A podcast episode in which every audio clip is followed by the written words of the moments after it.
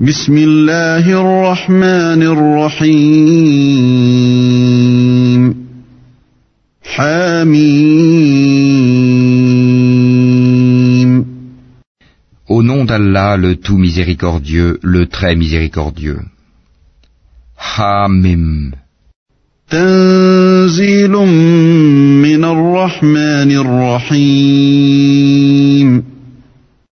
C'est une révélation descendue de la part du tout miséricordieux, du très miséricordieux.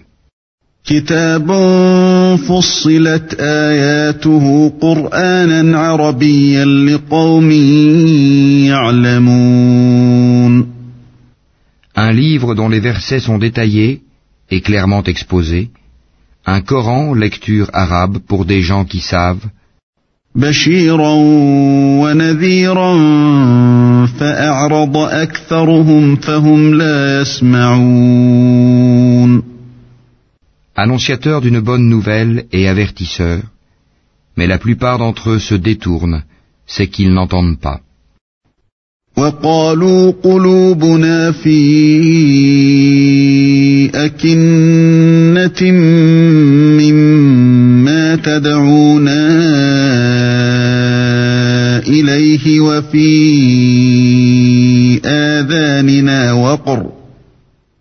وفي آذاننا وقر ومن بيننا وبينك حجاب فاعمل إننا عاملون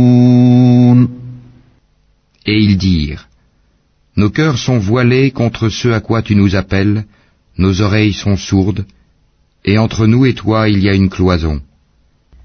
Agis donc de ton côté, nous agissons d'une autre. قل إنما أنا بشر مثلكم يوحى إلي أنما إلهكم إله واحد فاستقيموا فاستقيموا إليه واستغفروه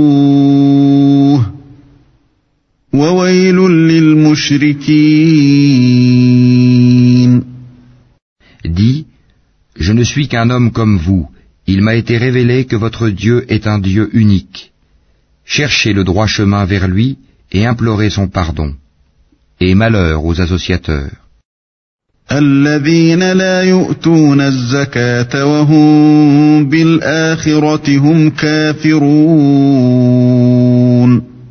qui n'acquittent pas la zakat et ne croient pas en l'au-delà.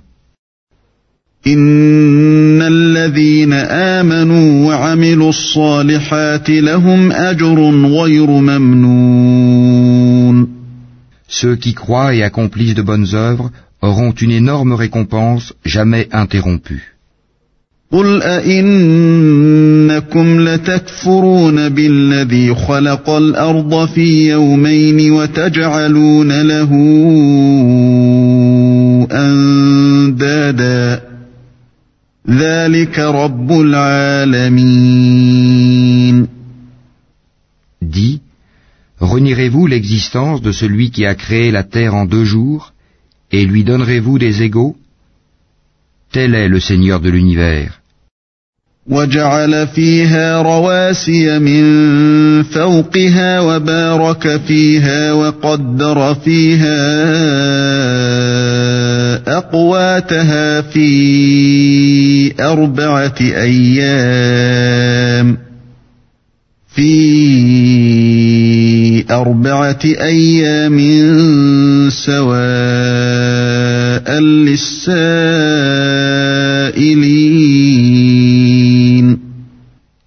qui a fermement fixé des montagnes au-dessus d'elle, l'a bénie, et lui assigna ses ressources alimentaires en quatre jours d'égale durée. Telle est la réponse à ceux qui t'interrogent. ثم استوى إلى السماء وهي دخان فقال لها وللأرض ائتيا طوعا فقال لها وللأرض ائتيا طوعا أو كرها قالتا أتينا طائعين Il s'est ensuite adressé au ciel qui était alors fumé et lui dit, ainsi qu'à la terre, Venez tous deux bon gré mal gré, tous deux dirent, Nous venons, obéissants. فقضاهن سبع سماوات في يومين وأوحى في كل سماء أمرها وزينا السماء الدنيا بمصابيح وحفظا. ذلك تقدير العزيز العليم. Décréta d'en faire sept cieux en deux jours et révéla à chaque ciel sa fonction. Et nous avons décoré le ciel le plus proche de lampes étoiles et l'avons protégé. Tel est l'ordre établi par le puissant, l'omniscient.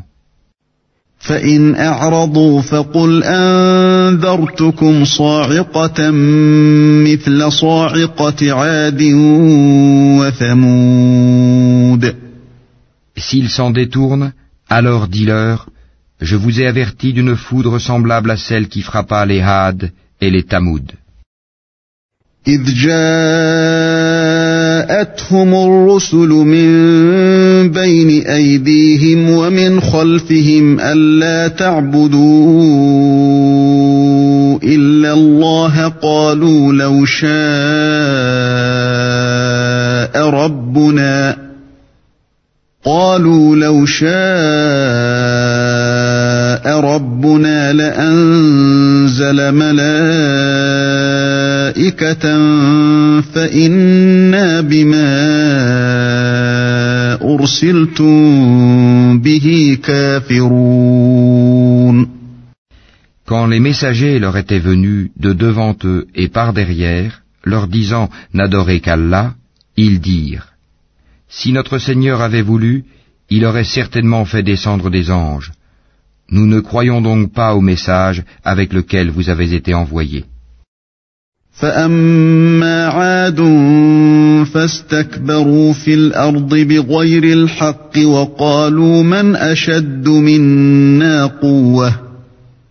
أولم يروا أن الله الذي خلقهم هو أشد منهم قوة وكانوا بآياتنا يجحدون Quant aux Hades, ils s'enflèrent d'orgueil sur terre injustement et dirent Qui est plus fort que nous Quoi N'ont-ils pas vu qu'en vérité Allah qui les a créés est plus fort qu'eux et ils reniennent nos signes.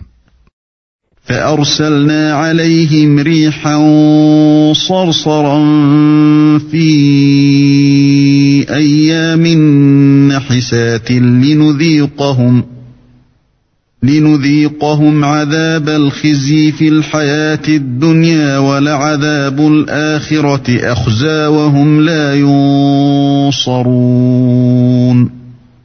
Nous déchaînâmes contre eux un vent violent et glacial en des jours néfastes, afin de leur faire goûter le châtiment de l'ignominie dans la vie présente. Le châtiment de l'au-delà cependant est plus ignominieux encore, et ils ne seront pas secourus.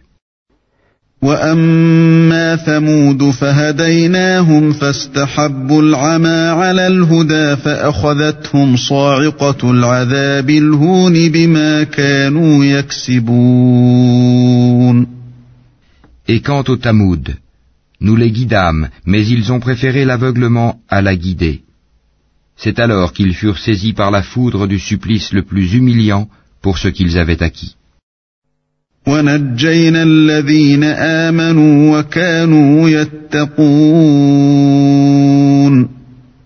Et nous sauvâmes ceux qui croyaient et craignaient Allah.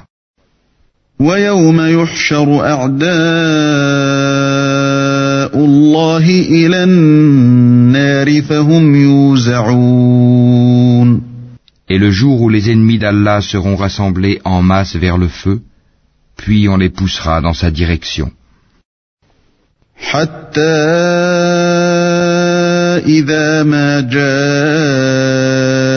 جاءوها شهد عليهم سمعهم وأبصارهم وجلودهم بما كانوا يعملون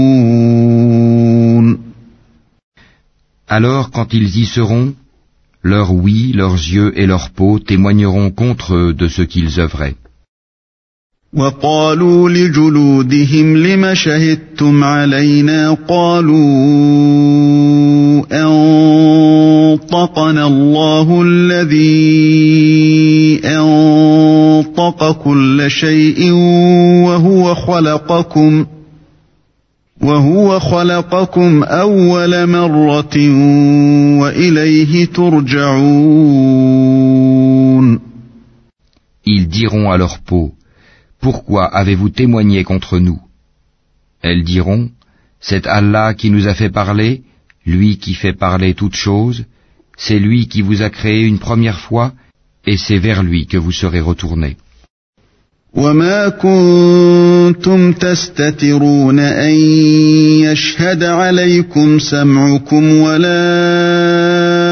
أبصاركم ولا جلودكم ولكن ظننتم ولكن ظننتم أن الله لا يعلم كثيرا مما تعملون Vous ne pouviez vous cacher au point que ni votre oui, ni vos yeux et ni vos peaux ne puissent témoigner contre vous. mais vous pensiez qu'Allah ne savait pas beaucoup de ce que vous faisiez.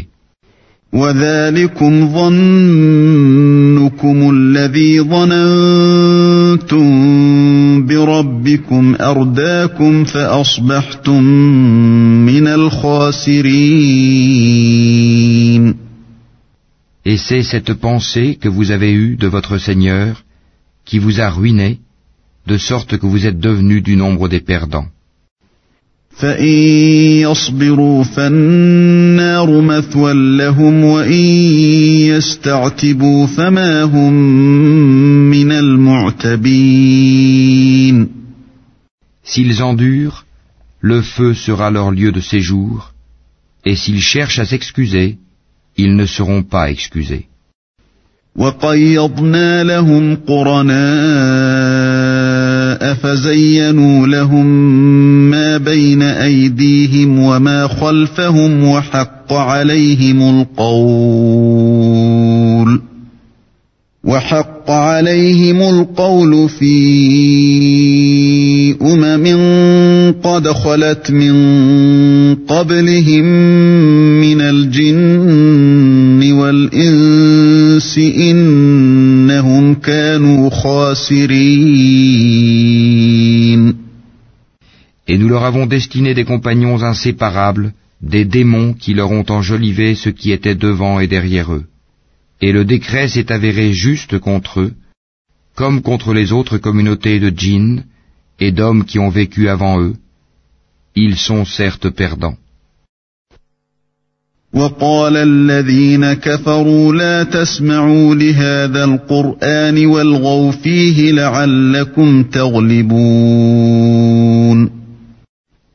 Et ceux qui avaient mécru dirent, Ne prêtez pas l'oreille à ce Coran et faites du chahut pendant sa récitation, afin d'avoir le dessus.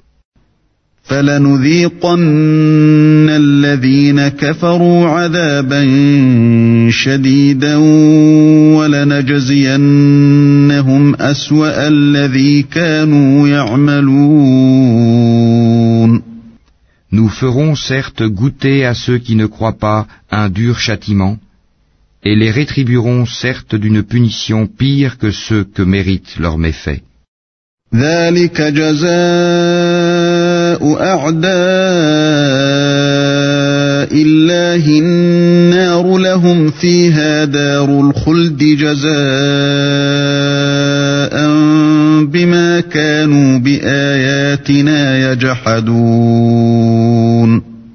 Ainsi, la rétribution des ennemis d'Allah sera le feu, où ils auront une demeure éternelle comme punition pour avoir nié nos versets, le Coran.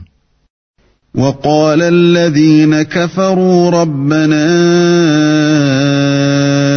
أرنا الله أرنا اللذين أضلانا من الجن والإنس نجعلهما تحت أقدامنا نجعلهما تحت أقدامنا ليكونا من الأسفلين Et les mécréants diront, Seigneur, fais-nous voir ceux des djinns et des humains qui nous ont égarés, afin que nous les placions tous sous nos pieds, pour qu'ils soient parmi les plus bas. إن الذين قالوا ربنا الله ثم استقاموا تتنزل عليهم الملائكة ألا تخافوا تتنزل عليهم الملائكة ألا تخافوا ولا تحزنوا وأبشروا بالجنة التي كنتم توعدون Ceux qui disent Notre Seigneur est Allah et qui se tiennent dans le droit chemin, les anges descendent sur eux. N'ayez pas peur et ne soyez pas affligés, mais ayez la bonne nouvelle du paradis qui vous était promis. نحن أولياؤكم في الحياة الدنيا وفي الآخرة ولكم فيها ما تشتهي أنفسكم ولكم فيها ما تشتهي أنفسكم ولكم فيها ما تدعون Nous sommes vos protecteurs dans la vie présente et dans l'au-delà, et vous y aurez ce que vos âmes désireront et ce que vous réclamerez, نزلا من غفور رحيم un lieu d'accueil de la part d'un très grand pardonneur, d'un très miséricordieux. ومن أحسن قولا ممن دعا إلى الله وعمل صالحا وقال إنني من المسلمين Et qui profère plus belle parole que celui qui appelle à Allah, fait bonne œuvre et dit, Je suis du nombre des musulmans. ولا تستوي الحسنة ولا السيئة ادفع بالتي هي أحسن فإذا الذي بينك وبينه عداوة كأنه ولي حميم La bonne action et la mauvaise ne sont pas pareilles. Repousse le mal par ce qui est meilleur. Et voilà que celui avec qui tu avais une animosité devient tel un ami chaleureux. وما يلقاها إلا الذين صبروا وما يلقاها إلا ذو حظ عظيم Mais ce privilège n'est donné qu'à ceux qui endurent, et il n'est donné qu'aux possesseurs d'une grâce infinie. وإما ينزغنك من الشيطان نزغ فاستعذ بالله إنه هو السميع العليم Et si jamais le diable t'incite à agir autrement, alors cherche refuge auprès d'Allah, c'est lui vraiment l'audient, l'omniscient. ومن آياته الليل والنهار والشمس والقمر لا تسجدوا للشمس ولا للقمر واسجدوا لله الذي خلقهن إن كنتم إياه تعبدون Parmi ces merveilles sont la nuit et le jour, le soleil et la lune. Ne vous prosternez ni devant le soleil, ni devant la lune, mais prosternez-vous devant Allah qui les a créés, si c'est lui que vous adorez. فإن استكبروا فالذين عند ربك يسبحون له بالليل والنهار وهم لا يسأمون Mais s'ils s'enflent d'orgueil, Ceux qui sont auprès de ton Seigneur, les anges, le glorifient nuit et jour, sans jamais se lasser.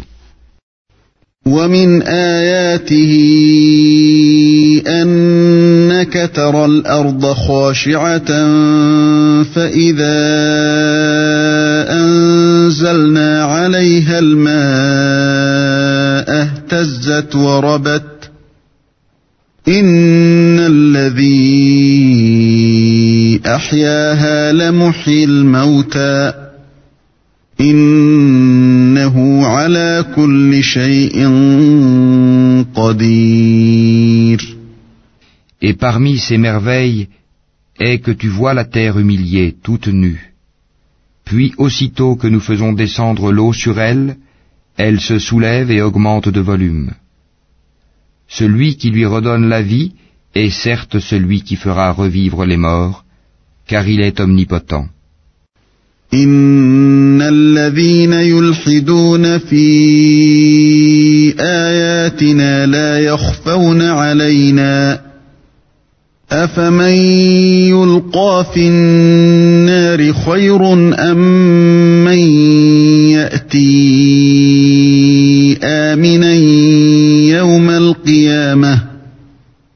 اعملوا ما شئتم إنه بما تعملون بصير Ceux qui dénaturent le sens de nos versets, le Coran, ne nous échappent pas. Celui qui sera jeté au feu sera-t-il meilleur que celui qui viendra en toute sécurité le jour de la résurrection Faites ce que vous voulez, car il est clairvoyant sur tout ce que vous faites. إن الذين كفروا بالذكر لما جاءهم وإنه لكتاب عزيز Ceux qui ne croient pas au rappel, le Coran, quand il leur parvient, alors que c'est un livre puissant, inattaquable, لا يأتيه الباطل من بين يديه ولا من خلفه تنزيل من حكيم حميد le faux ne l'atteint d'aucune part, ni par devant ni par derrière, c'est une révélation émanant d'un sage digne de louange.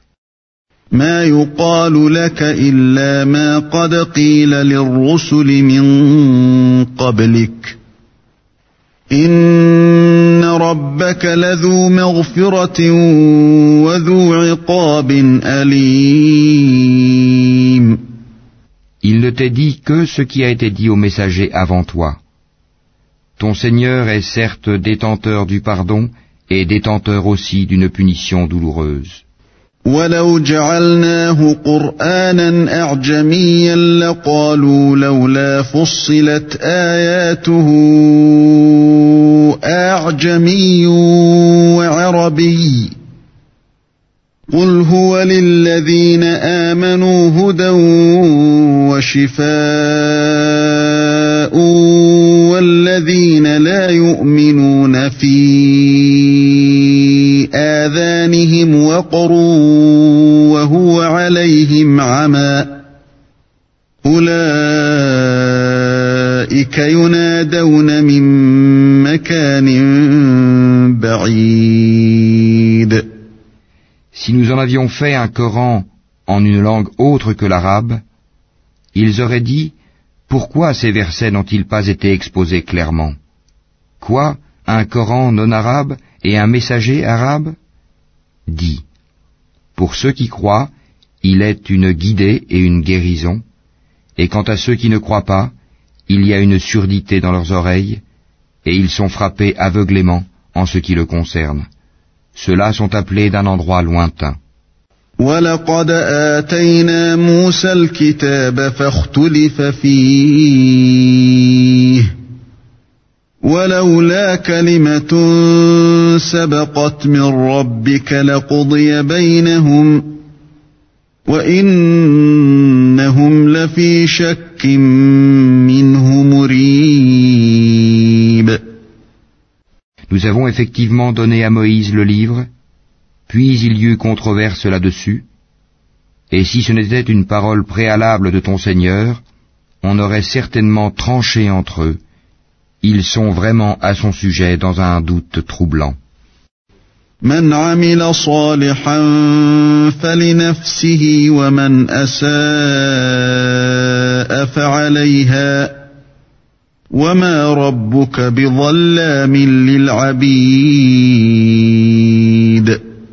Quiconque fait une bonne œuvre, c'est pour son bien. Et quiconque fait le mal, il le fait à ses dépens. Ton Seigneur, cependant, n'est point injuste envers les serviteurs. إليه يرد علم الساعة وما تخرج من ثمرات من أكمامها وما تحمل من أنثى ولا تضع إلا بعلمه ويوم يناديهم أين شركائي قالوا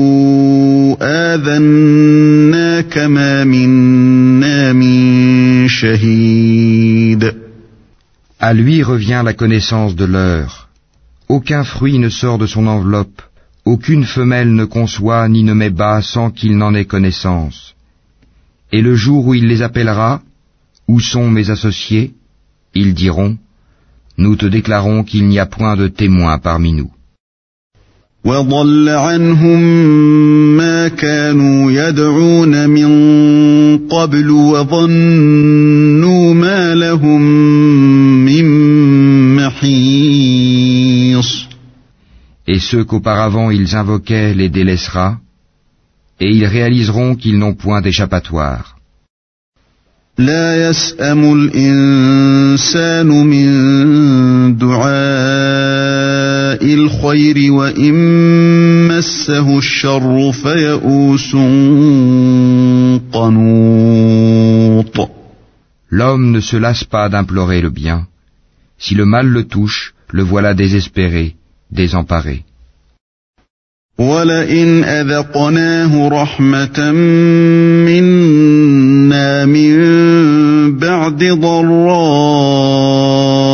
مسته ليقولن هذا لي ليقولن هذا لي وما أظن الساعة قائمة ولئن رجعت إلى ربي إن لي عنده للحسنى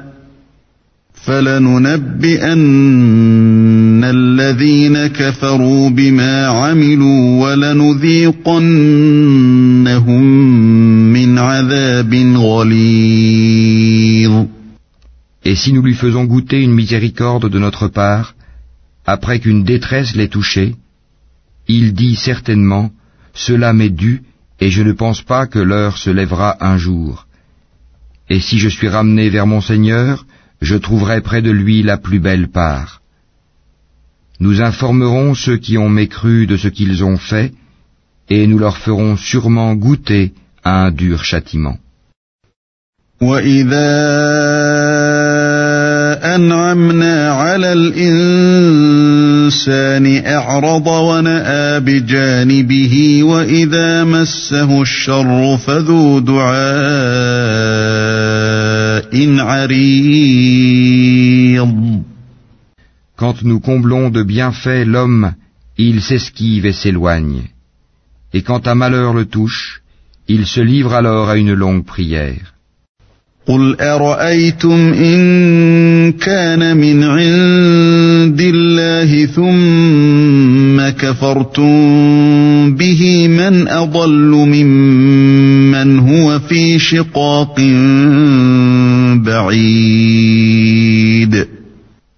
Dis, voyez-vous, si ceci, le Coran, émane d'Allah, et qu'ensuite vous le reniez, qui se trouvera plus égaré que celui qui s'éloigne dans la dissidence?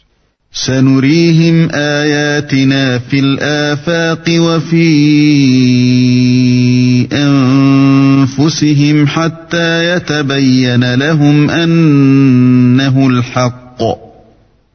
أولم يكف بربك أنه على كل شيء شهيد؟ Nous leur montrerons nos signes dans l'univers et en eux-mêmes, jusqu'à ce qu'il leur devienne évident que c'est cela le Coran, la vérité. Ne suffit-il pas que ton Seigneur soit témoin de toutes choses إنهم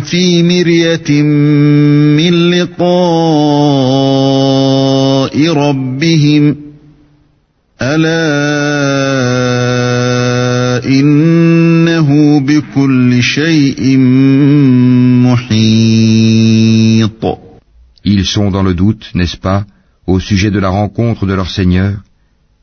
C'est lui, certes, qui embrasse toutes choses par sa science et sa puissance.